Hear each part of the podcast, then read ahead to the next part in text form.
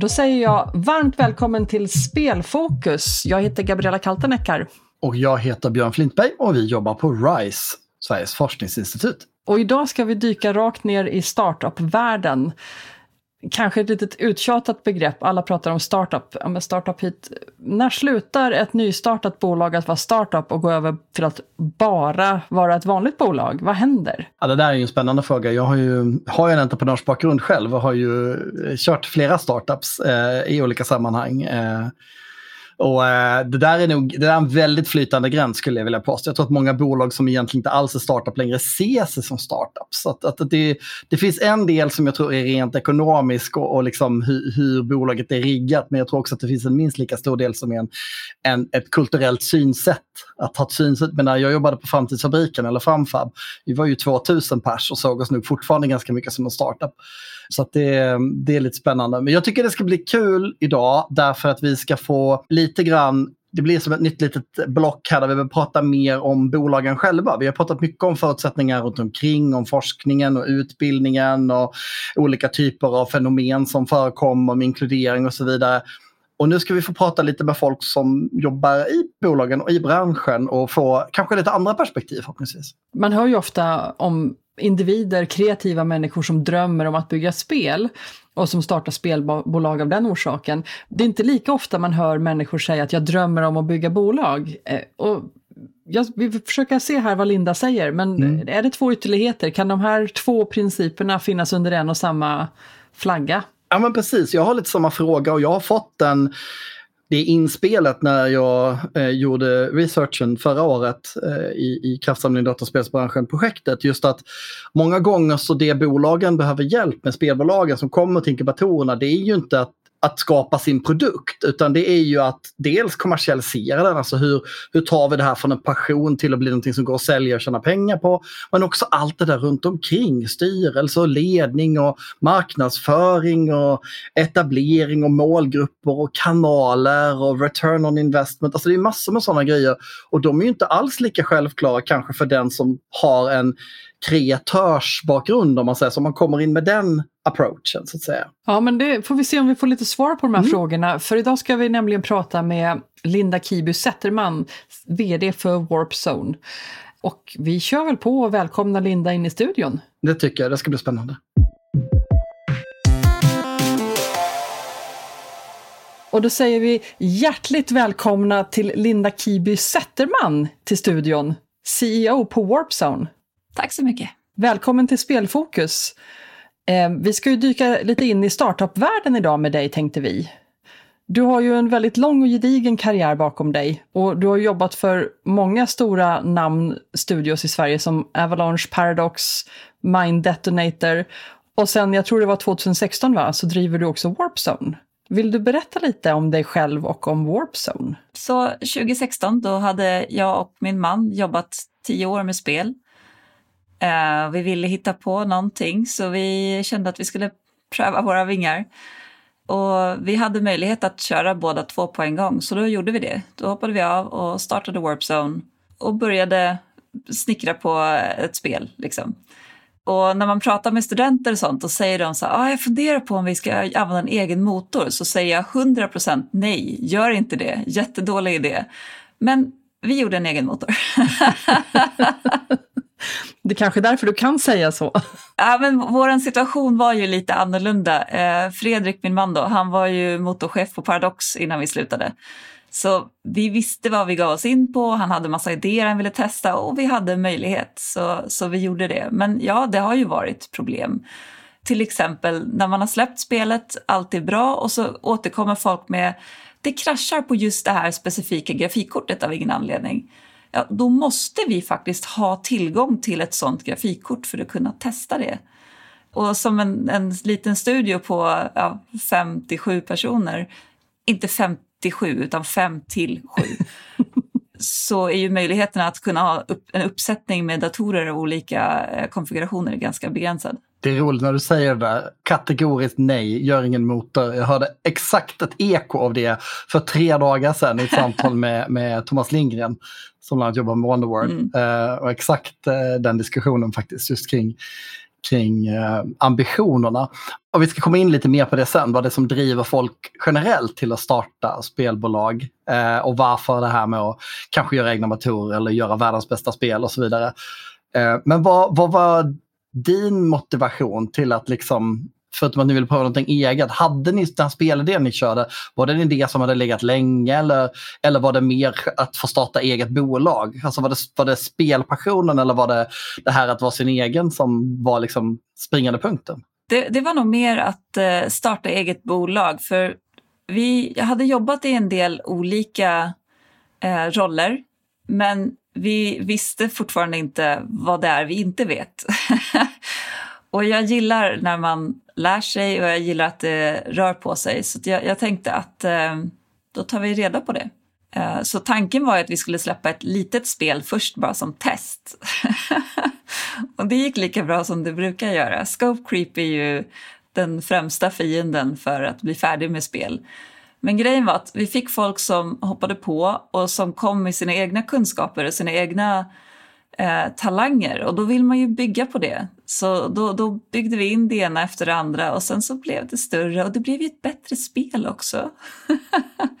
och det blev släppt till slut så det, det funkade. Men vi, vi gjorde alla möjliga fel som jag själv brukar säga åt eh, studenter att akta dig för det här och gör inte så här.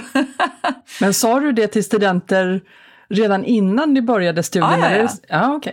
oh, jag var ju fullkomligt medveten om alltså, vilka rookie mistakes vi gjorde, men vi ville göra dem också. Så att, mm. Eh, och, och, vi visste också att vi hade möjlighet, speciellt när, när vi signade med Team 17 som förläggare.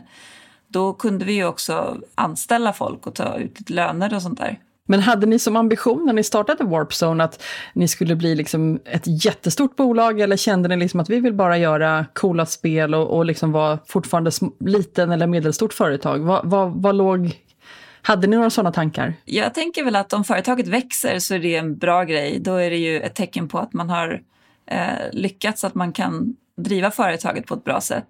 Men samtidigt så har jag inga ambitioner att sitta på ett företag som är tusen pers om några år utan för att göra riktigt bra spel så tycker jag 40 personer kanske är en ganska bra storlek. Eh, det är ju lite intressant det här med, med um, utvecklingen mellan olika spel också.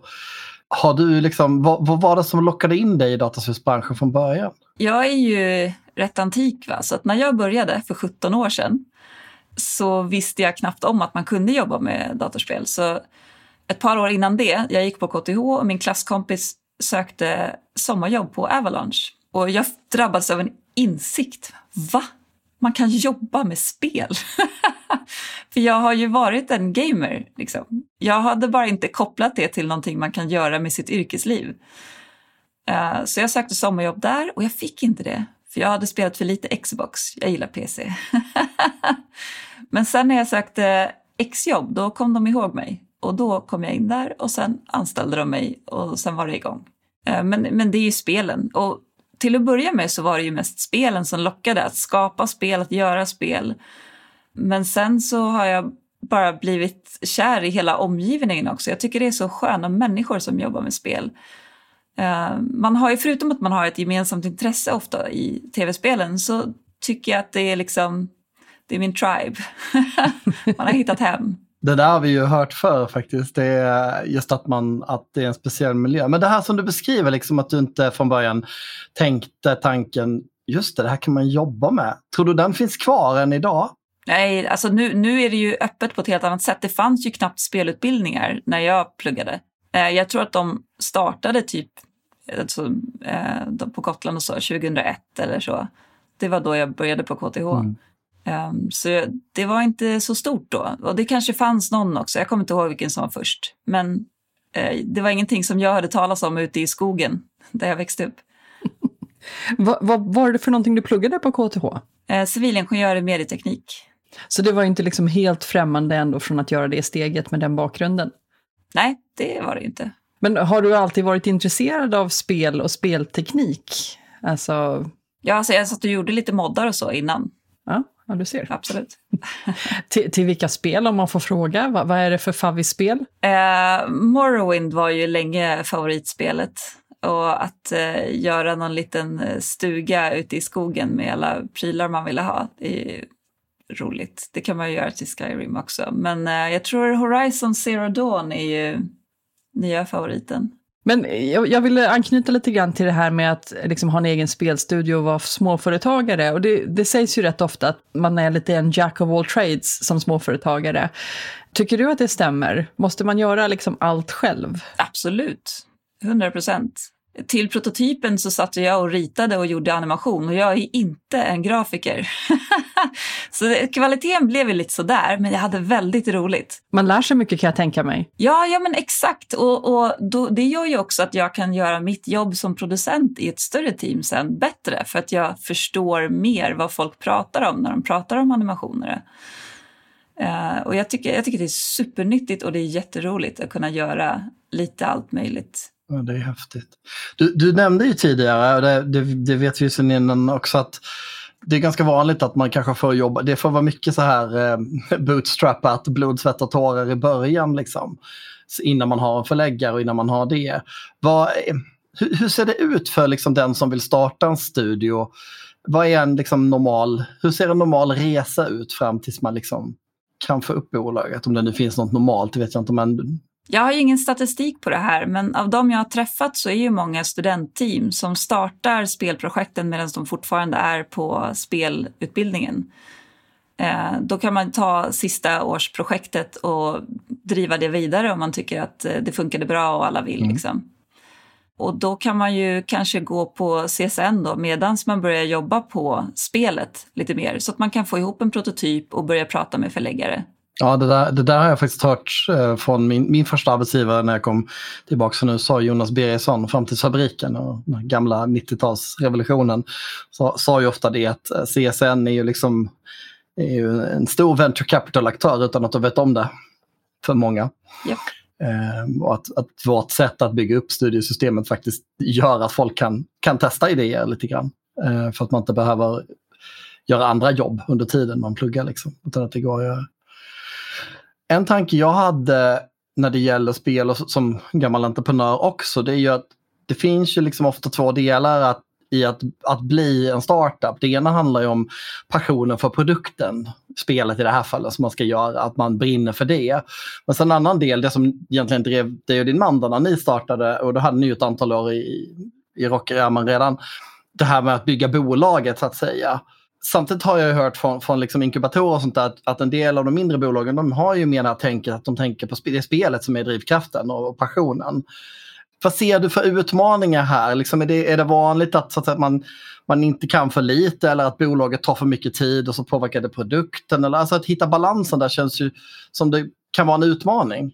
Vad har du stött på? Absolut. Jag tror att eh, det, det är en vanlig grej som, som studentteam gör också. Att man säger att vi ska göra det här perfekta spelet och det kommer ta åtta år och kräva all vår tid och passion och pengar i de åtta åren och sen kommer det vara underbart och alla kommer förstå. Men det, det är ju förmodligen inte en bra idé utan man ska ju egentligen börja med någonting annat för att du vet inte vad du inte vet. Eh, så när du har släppt ett spel, eh, man lär sig väldigt mycket på att släppa ett spel, eh, både i kontexten av ett större företag men definitivt när du gör det själv också. Eh, så tanken för oss var ju att göra ett lite mindre spel, även om det eh, ändrades under resans gång. Då. Men tanken var att göra ett mindre spel och sen börja mer fundera på vad vi faktiskt... Eh, eller alltså, vi, vi höll oss till genren vi vill jobba med, vi vill göra strategispel. Men vi försökte inte göra drömspelet från början, för det tror jag inte är en bra idé. Jag tror att det är för mycket det blir för stort. Det finns ju två perspektiv i liksom vilka det är som startar nya spelstudios. Antingen så har man gjort den resan som ni har gjort, alltså ni har jobbat för stora bolag med kanske AAA-titlar, eh, fast det är liksom i ett liksom snävare kontext då, där man är specialiserad på sin genre. Eller så är det studenter som startar ett företag. Vad tror du skiljer de här två världarna från? Vilka, det måste ju vara olika utmaningar. Absolut, det är jätteolika utmaningar, men båda kan ju gå hur bra som helst. Jag har ju sett flera studentteam som bara kör på som tåget och det går superbra. Så det är trevligt att, att erfarenhet är någonting som man kan ha i ryggsäcken och kunna luta sig lite på. Och även kontaktnätet som man får när man har jobbat på ett par olika ställen. Så man vet vem man ringer om man har specifika frågor om specifik hårdvara eller specifika funktioner. Men det är inte nödvändigt. Det kan gå hur bra som helst ändå. Du har ju nämnt några framgångsfaktorer eller tips. Så att säga. Det ena var ju här att, att inte kanske börja med det stora, stora drömspelet först. Och nu här också då att, att eh, erfarenheten inte bara lär dig utan att det skapar också kontakter. Har du några andra sådana här tips till de som sitter och kanske lyssnar på det här och tänker att ja, vi har funderat på om vi ska dra igång någonting. Vad, vad ska man tänka på liksom? Det, det är svårt i början. Det, är svårt, det, det som är svårast skulle jag säga är att få ihop en prototyp och att kunna visa den för någon som förstår och tror på din vision och idé. Så det svåra är att få in de första pengarna. Eh, så all hjälp man kan få där på vägen är ju bra. Men det är, det är svårt där i början. Och, och, hade ni, när ni började, hade ni redan tanke om att ni skulle hitta en publicist som skulle hjälpa er, eller var ni mer inne i tanken att vi ska själv publicera vårt spel? Ja, eftersom vi i början tänkte att det skulle vara ganska mycket mindre så tänkte vi att vi skulle göra det själva. Men sen så märkte vi hur svårt det var att få tag i folk. Alltså få tag i rätt person att prata med på de olika säljplattformarna till exempel. Steam är ju inga problem, där kan man ju släppa spelet utan att eh, så mycket människor är inblandade. Men eh, ville man komma in på Epic till exempel, då måste man mejla dem. Så vi gjorde det och fick inget svar, för de får ju så mycket mejl. Men när vi fick en förläggare sen, och de, då, då var det inte ens någon fråga om att mejla och så, utan det var ju bara, ja, och så släpper vi på Epic. så det var väl eh, en, en, stor anledning till att eh, vi började prata med förläggare också. Plus att vi ville utöka scope. Vi, vi ville inte ha mina animationer i spelet. det här iterativa du nämner, alltså att man måste tänka i flera steg. Det kan inte vara perfekt från början heller. Det känns ju också som att det är en sån där fakta som, som återkommer, liksom, att, att, att förädla liksom, eh, spelet. Det är, och det skiljer ju, när jag pratar om spel i relation till andra produkter, du kan ju inte släppa en halvfärdig Volvo. Liksom. Eh, men spel är ju en, en, typ av produkt som faktiskt är byggd på det sättet att den kan förädlas och förbättras under tiden som den faktiskt lever, existerar och spelas och används. Eh, jag tycker eh, Landfall till exempel har en eh, jätterolig grej där, där de gör små, små, inte ens prototyper utan mer bara demonstrationer av olika roliga sätt som saker kan röra sig på och så släpper de ut det på Twitter och diverse sociala medier. Och så om någonting får traction så bygger de ett spel på det. Jag, när de berättade det för mig första gången, jag bara, men så kan man ju inte bara göra. men det kan man ju, det funkar ju sjukt bra för dem. Uh, och, och sånt tycker jag är jättehäftigt. Så, så det finns inte bara ett sätt liksom att, att hitta sin idé, att hitta sin, att hitta sin grej. Det finns många olika sätt. Och om du tror på din idé så kan det vara helt rätt för dig. Ja. Är det det vi landar i? Jag tror det. Ja. Jag tänkte gå in lite grann på, på roller och liksom att driva spelbolag som kvinna. Nu var ju ni två som startade eh, Warp Zone. Var det redan klart från början vem som skulle göra vad? Eh, ja, jag kommer inte ihåg riktigt hur diskussionerna gick, men jag, jag tror det. Och det är ju du som är, är vd för bolaget. Mm. Men eh, min man är styrelseordförande, så vi kände att vi balanserade saker lite. Men har ni reflekterat någonting över som par då, att, att jobba tillsammans? Eh, är det någon skillnad att driva spelbolag som kvinna än vad det är att driva spelbolag som man? Det är ju svårt för mig att svara på. Jag kan inte riktigt jämföra med någonting. Men jag tycker att jag, jag har fått eh, bra respons på när jag har kört pitchar och sånt ute på event. Så jag vet inte. Det jag var, däremot var orolig för var ju om någon skulle våga jobba med oss. Att börja jobba med ett gift par, det kan ju vara lite läskigt. Liksom. Eh, om, om vi skulle då gadda ihop oss mot den första anställda vi tog in. Nu, den första blev inte en anställd utan det blev en medgrundare som gick in på lika villkor. Eh, som vi har jobbat med tidigare och det funkade toppen. Och då kände jag att det var så himla skönt för då när man är tre då är det en helt annan typ av konstellation än att ge sig in i, i affär med ett gift par. Men det funkade jättebra. Gamla familjeföretagsförbannelsen. Även i andra branscher. Ja. dyker upp precis samma frågeställning. Liksom, att, att det kan vara svårt, särskilt om de har, funnits ett tag och varit med länge, liksom, att, att det ska vara på ett visst sätt. Liksom. Ja, man har ju sett när det inte funkar eller hört historier om det. Liksom. Så det, det är väldigt viktigt för mig att folk vi jobbar med känner att vi inte gaddar ihop oss mot andra, utan mm. att vi resonerar på ett rimligt sätt. Men är ni alla tre medgrundare med liksom operativt i driften av bolaget? Den tredje medgrundaren där hoppade av igen efter typ fem år. Men ja, eh, han var absolut med, satt i styrelsen och sådär. Hur, nu har du kanske inte siffror eller så, men, men det är, i branschen generellt så är det fortfarande en rätt stor tonvikt på män får man ju säga. Hur vanligt är det med, med kvinnoledda bolag, alltså där, där så att säga vdn eller åtminstone liksom i, i ledande ställning finns kvinnor? Vi har en messengergrupp. Ni har det? eh, och vi, vi, har väl inte med alla där, för ja, eh, industrin är ju större och man känner inte alla längre. Men eh, ja, nej, vi är väl inte jättemånga. Det är väl eh, ett par handfulla liksom. Men ändå superpositivt att höra att mm. ni gaddar ihop er. vad, vad, pratar man om i de grupperna då? Är det liksom att man stöttar varandra eller dryftar ja, man problem? Ja, men det har varit lite olika. Ja, lyfta problem, fråga hur skulle ni göra i den här situationen? Och det är ju olika storlekar på de här företagen så man har, kommer från lite olika perspektiv och det är superbra faktiskt.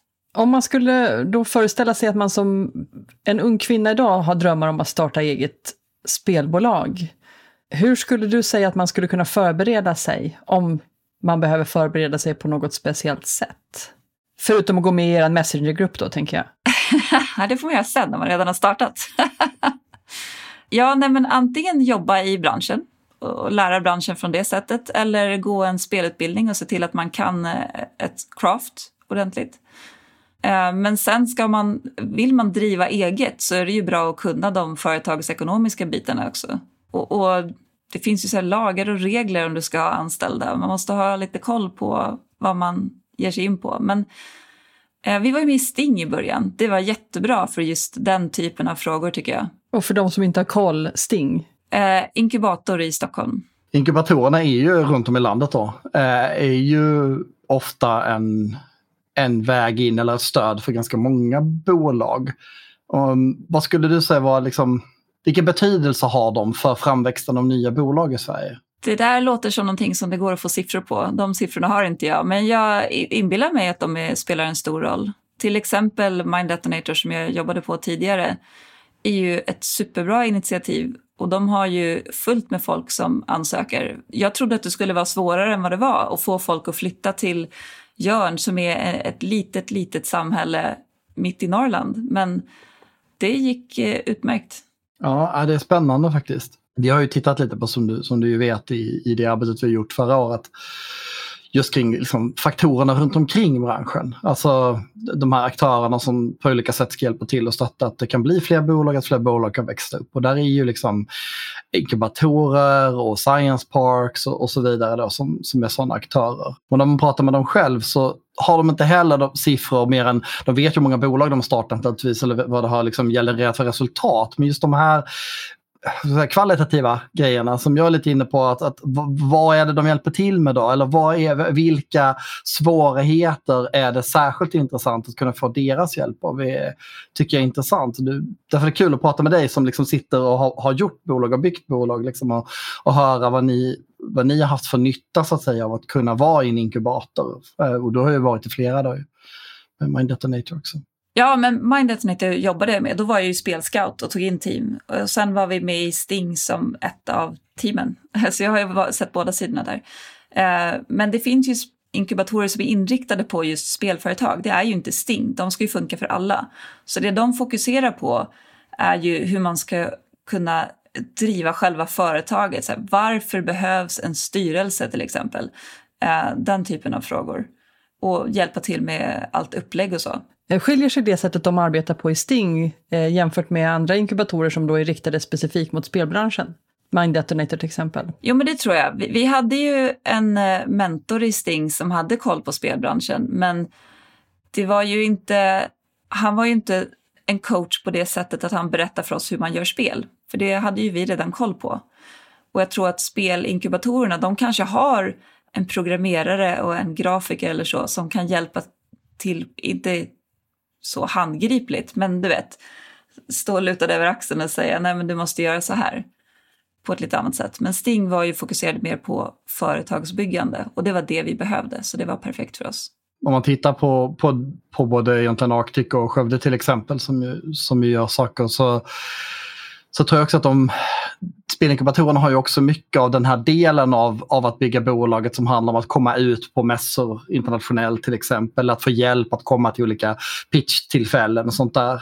Som kanske är lite lättare då än för en mer generisk. Så då beror det kanske mer på dem som du säger på de personliga egenskaperna hos den coachen man har, liksom vad de har för nätverk och så. Du frågade om det här med tjej i spelbranschen. Och eh, precis i början där, 2006-2009 när jag var på Avalanche, så var vi mitt i där någonstans 12 tjejer på ett företag av ungefär 150. De var också 12 som hette Fredrik. så vi hade tjejmiddagar, men de hade aldrig någon Fredrik-middag, vilket jag tycker är skandal faktiskt. Eller hur? Skärpning. Men jag, jag, vill gå tillbaka till det här med inkubatorerna, för det, det finns ju, alltså att det finns spelinkubatorer är ju ganska unikt. Man hör ju inte talas om, eh, inte vet jag, målerifirma-inkubatorer. Naturligtvis ett, ett kanske inte lika brett område inbillar jag mig. Nu kanske jag förolämpar alla målare i Sverige. Jag ber om ursäkt. Men vad är det som gör att man behöver ha någon som kan spel i att hjälpa till med att starta bolag? Eh, spel är en rätt annorlunda bransch och jag insåg kanske inte riktigt hur annorlunda förrän vi faktiskt var med i Sting. För att de har ju ett nätverk av ängelinvesterare men vad vi upplevde när vi pratade med investerare var ju att det var många som inte förstod spelbranschen och de förstod inte affärsmodellerna och de tyckte att det var läskigt och ville inte gå nära. Eh, så där vi har haft bäst mottagning är ju med folk som kan spel och är ängelinvesterare eller eh, VC-firmor. Så jag, jag tror att det är en läskig bransch att ge sig in i för de som har pengarna många gånger. Och vad är det som gör branschen läskig för ängelinvesterare som inte kommer från dataspelsbranschen, tror du? Den är svår att förstå. Det är svårt även för oss att kolla på ett spel som är i utveckling och säga kommer det här bli en hit eller inte? För spelet kan, bli, kan vara hur bra som helst och så blir det ändå inte en hit på grund av, ja, svårt att veta. Och, och sen vissa spel blir en hit fast de känns ganska mediokra. Och vad händer där? Ja, jag vet inte det är klart att det finns analyser man kan göra och sånt och mobilbranschen har ju kommit längre än PC-branschen tror jag för det mesta på att göra den typen av analyser. Men eh, ja, jag tycker att det fortfarande är lite magi. Det tangerar lite grann eh, det här generella problemet med att förstå spelbranschen i stort. Alltså inte bara för investerare utan även för beslutsfattare eller forskningsfinansiärer. Alltså det är ju eh, så många områden där, där spel ses som så annorlunda. För att man har, dels har man ju en produkt som, som är medskapande. Berättar ju, berättar ju här om att du började med att sitta och göra moddar själv. Liksom. Många andra kreativa näringar som ändå spel är på något sätt. Där konsumerar du ju mest som kund. Du, du köper en bok och läser den eller du går på en teaterföreställning. Men spel, där är du med och skapar samtidigt.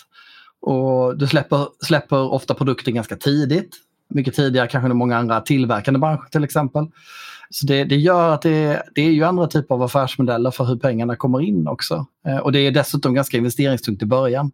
Och det, det, är ju alltid läskigt. Ja, men det är en av de häftiga grejerna tycker jag, när man ser vad spelare gör i spelen som man kanske inte alls har avsett som utvecklare. Jag älskar det, för det mesta. Men, men om man då, nu, nu är liksom startup-tiden förbi, ni har liksom gått in i, eh, ni har gjort ert första spel och vad händer sen? Blir det tråkigt sen eller måste man söka nya investeringar för nya spel? Hur, hur, hur, hur, ser, hur ser verkligheten ut? Det beror ju på vad som händer med det spelet som man släpper. Vi hade ju lite planer så här, skulle det gå jättedåligt, ja men då kanske vi skulle lägga ner alltihop och ta vanliga jobb igen. För det är ju inte något negativt att ha i cvt egentligen. Jag startade ett företag vi släppte ett spel, eh, nu behöver jag jobb igen. det är ju inte jätteovanligt och det är ju någonting som jag när jag anställer skulle anse vara en bra sak i CV. Eh, eller så skulle det gå toppen och vi skulle bara eh, steama på, köra nästa spel, eh, anställa folk och så vidare. Eh, det svåra var ju om det gick lite mitt emellan och det var det som hände. Så att spelet nådde break-even, alltså det betalade tillbaka sina kostnader, vilket var jätteroligt och det händer inte alla så att jag, jag är nöjd med det delmålet. Eh, men sen ett tag efter släpp så betalade det inte längre löner och då började vi konsulta. Så nu gör vi spel på andra företag fast inom Warpzone Warpzone-ramar. Och det kallas för work for hire, eller hur? Ja. Eller ja. Och, och, men, och, tror du att det är vanligt, eller är ni liksom Finns det många företag i, i, Sverige som jobbar på det sättet att man har släppt sitt första spel och sen kanske man har en mellanladdningsperiod innan man laddar om och kanske får en ny idé? Det tror jag. Jag tänker, det, det är en bra liksom, verklighet att måla upp för de som inte har kommit in i spelbranschen ännu, att det här, det här är en möjlig väg att gå. Eh, att hålla sig flytande tills dess att liksom, nästa idé kommer och man kan samla krafter igen. Vad vi tycker har varit lite krångligt dock är ju att försöka hålla någon slags eh, teamanda i, med Warpzone. För när man skickar ut folk på, på konsultuppdrag så är det lätt hänt att de känner sig lite ensamma där. Så nu sitter vi alla på samma ställe, vilket är jättebra. Men tidigare så skickade vi ut folk till lite olika ställen. Och ja, det blev genast att man kände sig mer isolerad och, och um, inte som en del av Warpzone, för då kände man sig snarare som en del av det här andra företaget. Var det här en, en del av planen liksom från början? Eh, att, att tänka sig att hyra ut till andra företag? Nej, det var det inte. Nej. Men vi har ju alltid vetat om att det finns som en eh, plan B. Och just nu, vi kände oss lite kreativt slutkörda efter att ha släppt spelet. Så det, det var rätt skönt att bara kunna eh, ha någon annan som tar besluten ett tag och, och få lite lön och sådär. Jag satt ju en gång i tiden styrelseordförande i ett bolag som, som inte lyckades nå break-even um, och som inte fick lägga ner. Men de jobbar ju stort sett alla i andra delar av branschen idag som det är sån brist. Men en sak som diskuterades där när man var inne på det här med att göra, man gjorde lite work for hire innan man bestämde sig för att inte fortsätta. Det är det här, hur hittar vi nu tillbaks till vårt spel, till vårt nästa spel? Alltså när man har suttit för länge, eller vad man ska säga, när man har liksom blivit fast i den här work for hire-snurren. Hur, hur gör man för att komma tillbaks till att nu ska vi göra vårt spel igen? Eller, ja, men, hur, hur tänker ni kring det där? Liksom att gå till, alltså, kunna hitta tillbaks igen så att man inte blir fast i work for hire? Inga problem. Nej, men i alla, alla företag jag har jobbat i och alla utvecklingar jag har sett så lär man sig ju någonting. Vi vill göra så här, vi vill inte göra så här. Och sen vill man igen sätta ihop allt det här i det nya man ska göra. Så jag tror vi, vi, ju längre man jobbar så får man ju fler och fler idéer och till slut så vill man göra någonting av dem. Ja, coolt. Du som också har varit då på, ja, i, i princip alla roller jag kan föreställa mig. Du vet, du har startat eget, du har börjat, du har kommit från en annan utbildning in i dataspelsbranschen, du har suttit i styrelser, du har lett bolag och du har jobbat som anställd. Eh, hur ser du på jämlikhetsfrågan i, i de här olika delarna? Eh, hur jobbar man med inkludering och jämställdhet i spelbranschen. Finns det skillnad mellan stora och små bolag eller hur man jobbar som anställd eller som arbetsgivare? Det är jättestor skillnad mellan alla bolag skulle jag säga och eh, jag, jag, tror inte att det går att dra någon rak linje mellan små och stora bolag. Jag tror att olika bolag är olika bra och det beror ofta på ledningen och hur viktiga de tycker att det här är. Är det någonting som ledningen faktiskt driver, då kommer det göra skillnad. Är det någonting som ledningen mer gör med vänsterhanden för att du vet man måste ju keeping appearances, ja, då kommer det inte bli en lika stor grej. Eh, men det finns ganska mycket man kan göra, mycket outreach och sånt. Eh, jag vet Paradox har gjort en hel del sånt med eh, kodkurser för tjejer och sånt där. Och jag hade en jättebra tid på Paradox. Jag hade en fantastisk chef som lyssnade och som tog tag i problem när det stod, uppstod. Också på Avalanche. Det var jag mejlade om, om någonting som jag tyckte var ganska tricky till vår vd och han tog tag i det på en gång och bara eh, hanterade det och det var fantastiskt. Men sen vet jag ju andra som har haft jättedåliga upple upplevelser på båda de företagen. Så det, det beror jättemycket på just i vilken kontext man hamnar. I alla fall på större företag. På mindre så då är man ju i samma kontext och då är det lite svårare att dölja om det finns någon typ av problem där. Men man, man kan ha tur och otur också. Jag tror inte vi spelbranschen är sämre eller bättre än samhället i stort. Det är som folk är. Men finns det någonting man som, eh, kanske om man då hamnar i en minoritetsgrupp som ensam tjej eller som eh, kvinna plus, finns det någonting man bör alltså, tänka på när man ger feedback eller du vet, vågar man säga till? Hur ska man formulera sig? Eh, hur ska man gå tillväga? Finns det några tips och tricks där för att liksom lyckas få gehör? Alltså jag vet ju hur jag har gjort, men jag vet inte om det passar för alla. Men eh, jag kan väl berätta lite om det då. Jag jag bestämde mig när jag var liten och såg på hur mamma och mormor slavade i köket på julafton varenda år. Så tänkte jag, där vill inte jag hamna. Och så till exempel så lagar jag inte mat. jag tror att jag drog det lite för långt kanske, men ändå, jag började där. Eh, och det gäller även på jobbet också. Jag går inte och hämtar kaffe åt folk. Jag är inte den som tar anteckningar på ett möte om det inte är jag som har kallat till mötet och jag som vill ha anteckningarna. Liksom. Eh, jag är inte den som skickar blommor till folk när de fyller år jag, jag, gör inte de här grejerna. Jag är inte någon slags extra mamma på kontoret och det är absolut med avsikt. Jag är ganska lat också så jag är nöjd med det här. Men jag också gör det inte med flit för att jag vill inte vara den personen. Och, och säga ifrån, jag kan, inte, jag kan inte låta bli. Det är bara det är sån jag är. Eh, är det någonting som jag inte tycker är okej, okay, då säger jag till. Och så antingen löser de det och hanterar det och så är det bra. Eller så görs ingenting och då vet jag inte riktigt vad jag skulle göra för det har inte hänt än. Men då kanske det första tipset är att faktiskt säga till. Att faktiskt ge feedbacken och, och våga ta den här risken som det kanske man upplever att det är. Definitivt. Och vågar man inte det för att man känner att man litar inte på sin chef och har inte den typen av relation, då tycker jag man ska byta jobb. Din närmsta chef är superviktig och jag har bara haft jättebra sådana. Nej, men, och det är ju också så i branschen, alltså, som lite grann snuddat vid här, alltså att branschen skriker efter bra människor. Eh, det behövs. Man behöver ju inte... Alltså det finns ju andra, andra näringar som inom den kreativa sektorn där, där man kan hamna i sitsen att om jag säger från så har jag inget jobb.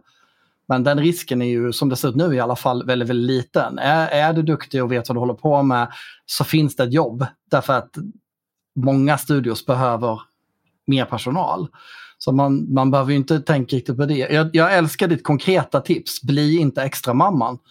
Uh, jag tycker det är ett superbra tips som, som jag tror också att många män skulle behöva tänka på. För det, det egentligen blir lite sådär, man sitter ofta, vi sitter ofta och pratar om men hur kan man som kvinna göra för att, eller hur kan jag anpassa mig så att jag kan säga till på rätt sätt.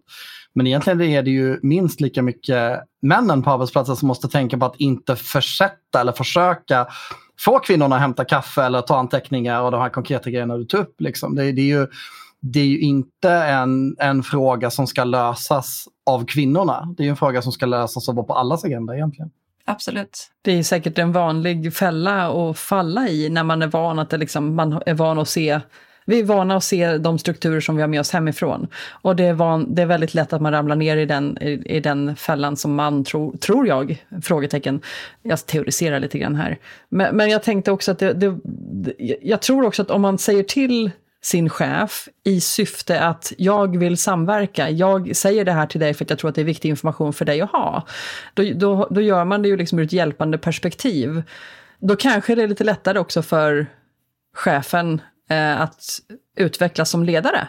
Absolut. Och jag tycker att det är viktigt att man kan motivera sådana här grejer. Det här, den här människan, genom det här beteendet, är dålig för moralen och därmed dålig för produktivitet. Så det, det är, dels man kan tappa bra folk på det, men dels de producerar kanske mindre också för att det finns någon som är ett ass eh, ibland oss och det är inte bra. Det stör ju triben. Ja. Om vi ska gå tillbaka till det du sa från början. Jag har en anekdot där också om ni vill ha den. Det vill vi. Eh, så det här var några år sedan och då var det en kille som på ett fredagsöl började uttala sig bröligt och väldigt olämpligt om en kollega så kollegan var tjej. Och jag sa, du kan inte prata så här. Och han bara, ah, vadå? Det är ju sant. Och jag blev så arg så jag gick därifrån och sen så pratade jag med chefen som också var där. Och sen måndag morgon, det första som hände var att chefen drog in den här killen i ett rum och jag vet inte exakt vad som sades där inne. Men efter det så la han aldrig sådana kommentarer igen. Det hände inte, inte ens nära. Och jag vet inte, det kanske helt enkelt var så att ingen hade berättat för honom att så här beter man sig inte på en arbetsplats eller du vet, bland vettigt folk överlag. Eh, men vad han än sa så funkade det. Och två år senare så kom jag på mig själv med att då sitter jag bredvid den här killen som var så otroligt otrevlig. Och satt vi bredvid varandra på fredagsöl och pratade om eh, Klingon och hade hur trevligt som helst. För att han hade bara lagt om. Och ibland behövs det bara en kick i ändan. Ja, eller kanske att man får en hjälpande hand att se ett beteende som man inte själv har sett eller varit medveten om sedan tidigare. Och att man då är villig att faktiskt öppna öronen och ta till sig den informationen. Vilket han uppenbarligen var. Så det är ju kudos både till chefen och till dig och till honom. Och sen att man pratar klingon tycker jag är liksom extra stjärna i kanten. Det, jag, jag pratade inte klingon vill jag säga, han kunde det, jag kan prata om klingon. Ja, ja, ja men jag tycker det är nästan samma stjärna. Men alltså, supertack Linda för att du ville dela med dig av dina erfarenheter och fantastiska anekdoter. Verkligen. Jag tror att det är många som kommer att ha väl nytta av de här insikterna. Vad kul. Tack. Tack snälla. Tack så jättemycket. Ja, det här var ju, jag tycker det är så kul att eh, höra Lindas eh, berättelser. Alltifrån liksom hur hon började till hur de jobbar idag och hur de kom igång med Warp Zone. Det var väldigt spännande att höra de, hennes insikter. Liksom. Och det är klart att hon, hon sa ju flera gånger, liksom, jag, jag har inte statistik på det här men den här podden handlar inte bara om statistik. Det kan man ju läsa i rapporter istället. Jag tycker det är intressant att få de mänskliga perspektiven. Det fick vi verkligen här. Verkligen. Um, och det är jättekul att, att liksom också förstå skillnaden mellan liksom en kreativ vision och att driva företag. Det, det, är ju inte för alla att driva företag, det är en livsstil. Ja, men det är det verkligen. Um, och om man har ambitioner liksom på att bli nästa DICE eller nästa Ubisoft, jag menar då, då, får man ju, då ska man nog ha en, en drivkraft som företagare snarare än att man bara vill, eller bara bara, men att man är mer fokuserad på hantverket som det är att bygga spel. Nej men så är det ju och jag menar det, jag har ju som sagt en entreprenörsbakgrund och som jag nämnde där i intervjun också att det är ett sätt att tänka och ett sätt att leva, att, att bygga bolag. Och är man då en renodlad kreatör, en konstnär i det man gör så kanske inte det alls kommer lika naturligt. Så därför tror jag det är bra att man kan få olika typer av stöd. Hon beskrev ju en del av det som de hade fått, på, bland annat på Sting. Eh, jag, tror det är, jag tror det är en jätteviktig faktor om vi nu ska titta på liksom hur vi kan få spelbranschen att växa och bli ännu bättre än vad den redan är i Sverige. Så tror jag att möjligheten att få stöd, både att komma igång och att våga starta upp och göra bolag, men också hur man gör och hur man tar sig vidare. Varje steg är ju liksom nya utmaningar. Ska anställa ett steg, ska ta sig ut utomlands ett annat steg, att hitta rätt eh, förläggare eller kontakter eh, för att liksom få ut sina produkter ett annat. Allt det där, det är ett hantverk och där sa hon ju faktiskt någonting väldigt viktigt att det är bra att lära sig. Det, det är okej okay att göra fel därför att lärandet i det du har gjort fel kommer att hjälpa dig längre fram. Det är bra att ha några spel under bältet och att gjort olika, olika saker för att få en bättre förståelse. Jo, och det handlar väl också liksom mer om en inställningsfråga eh, och vad man förväntar sig av sig själv i sitt i sin roll som företagare eller i sin roll som konstnär eller kreatör eller artist. Eh, eh, du och jag delar ju den bakgrunden att vi båda två har drivit bolag och driver bolag fortfarande i, i litet mångt och mycket. Och jag tycker det var jättespännande att höra från Linda hur det var att arbeta med sin respektive, vilket jag ju också har gjort. Eh, det finns många likhetstecken jag kan också skriva under på där, att det, man blir uppfattad på ett visst sätt, tror jag. Och man är nog väldigt medveten om det och man är väldigt mån om att försöka mota Olle i grind lite grann kanske.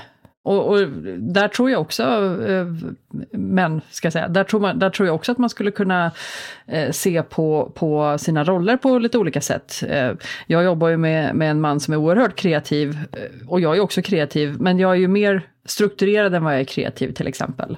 Så att, där kom, att man kompletterar varandra bra kan ju vara en, en fantastisk drivkraft. Det gäller ju faktiskt i allt bolagsbyggande.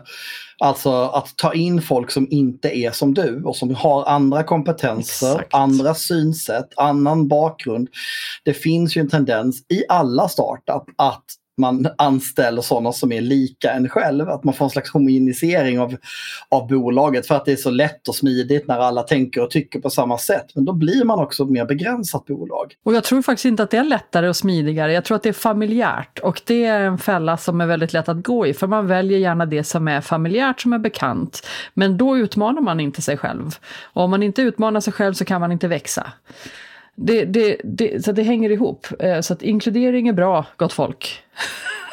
Det, det, finns, och det finns ju statistik på. Alltså det, det, finns ju forskning som visar tydligt att bolag som har en bredare mångfald eh, och som, som har fler inkluderande perspektiv de går det bättre för. De tjänar mer pengar därför att man har lättare att anpassa sig till förändring. Man har lättare att, att hitta nya och unika perspektiv. Så att, ja, det är svårt och det är utmanande. Men jag tror att det är en viktig lärdom för de som bygger bolag att inte fastna för mycket i det familjära. Och jag tror, jag tror ju egentligen att sånt som har att göra med att man måste jobba hårt och lära sig saker är ganska enkelt. För att när du har lärt dig hur man gör lön, då har du lärt dig det, då kan du det. När du har lärt dig vad det finns för liksom, brytdatum på Skatteverket, ja men då kan du det. Du behöver inte, lära, du behöver inte vara på en ständig läranderesa, utan att driva bolag är enkelt när man kan det. Du behöver göra insatsen en gång och sen kan man ju alltid fine-tuna det och bli bättre och bättre naturligtvis. Men det är inte komplicerat, det är bara att du måste, man måste vara medveten om att det är jobb som ska göras och när jobbet är gjort så är du där. Och då kan man fokusera på sånt som är viktigt. Vad ska man ha för profilering? Hur vill man hantera, liksom, vad vill man ha för storlek på bolag? Hur ska man eh, hantera sina anställda? Hur ska man bygga team? Hur ska man liksom göra sånt som krävs för att få en bra produkt? Nej, så, så är det ju. Och jag menar mycket av det som handlar om företagande är ju ett hantverk och är en färdighet man skaffar sig. De svåra bitarna, det är det som du vinner på på slutet. Alltså att, hur leder jag en grupp? Hur ser jag till att alla kommer in? Hur onboardar jag nytt folk när vi börjar bli så många att det inte är självklart? En stor förändring för mig när jag, det största bolaget jag drev som hade 45 anställda, där, där ehm, där märkte jag en stor skillnad när vi gick från att vara en 6-8 personer till att vara en 10-15 personer. För helt plötsligt så, så kunde jag inte ha full överblick på alla människor och vad de gjorde. Och det var nyttigt på ett sätt för då ble, blev, ju, blev ju bolaget tvunget att klara sig så att säga utan. Men, men många småbolag, nästan alla startups, är ju väldigt individberoende i början. Ofta av en eller två drivna entreprenörer som, som har drivkraften. Men det är också farligt för det kan du inte vara när du är 50 eller 70 personer. Utan då behöver maskinen funka ändå. Och då gäller det att man har satt upp rutiner, strukturer, att det finns ett arbetssätt som fungerar för folk. Så att det där, det där och hur man kommer dit och hur man gör det så att säga utan att att snubbla alldeles för mycket på vägen, eh, även om ett visst lärande är bra, det är ju en konst som man lär sig efterhand. Och som Linda sa där, det, eh, det finns ju nätverk man kan ansluta sig till. Eh, det finns en fin, fin WhatsApp-grupp har vi nu hört talas om, eh, där man kan komma in som kvinnlig företagare i dataspelsbranschen. Tips, tips. Eh, så man får ta hjälp av varandra. Det var väldigt kul att höra. Jag gillade även hennes olika anekdoter, inte minst den här om hur hon, hennes approach till liksom att, att vara kvinna på i en mansdominerad bransch. Liksom att, att inte bli kontorets mamma. jag tyckte det var väldigt konkreta råd, jag tyckte det var ganska bra eh, bra mindset, liksom att kunna eh, att hitta sätt att i vardagen bryta normer och, och liksom strukturer som man kanske inte är medveten om på många sätt. Sen ska man ju komma ihåg det att det finns ju gott om människor, inte bara kvinnor, som tycker om att ha den här rollen där man tar hand om saker. Men det kanske inte är det enda man vill göra, så det ligger väl lite på oss alla, Ann, att även ifall det är någon nu som inte har några problem med att hämta kaffe eller eh, ta hand om disken, att man inte begränsar den personen till att bara göra de Nej. sakerna. Ja, det är väldigt lätt Utan att... att man också liksom ger den personen en väg framåt utöver de här mundana arbetsuppgifterna som ju faktiskt liksom ändå måste göras. Och det, det är något av det viktigaste, att, att känna att man både har en, en delaktighet i hela teamet men man också har olika färdigheter och intressen som man kan dra nytta av. Vare sig det är att se till att det är snyggt och prydligt i, i eh, lunchrummet eller det handlar om att man är väldigt bra på en specifik del i produktionen.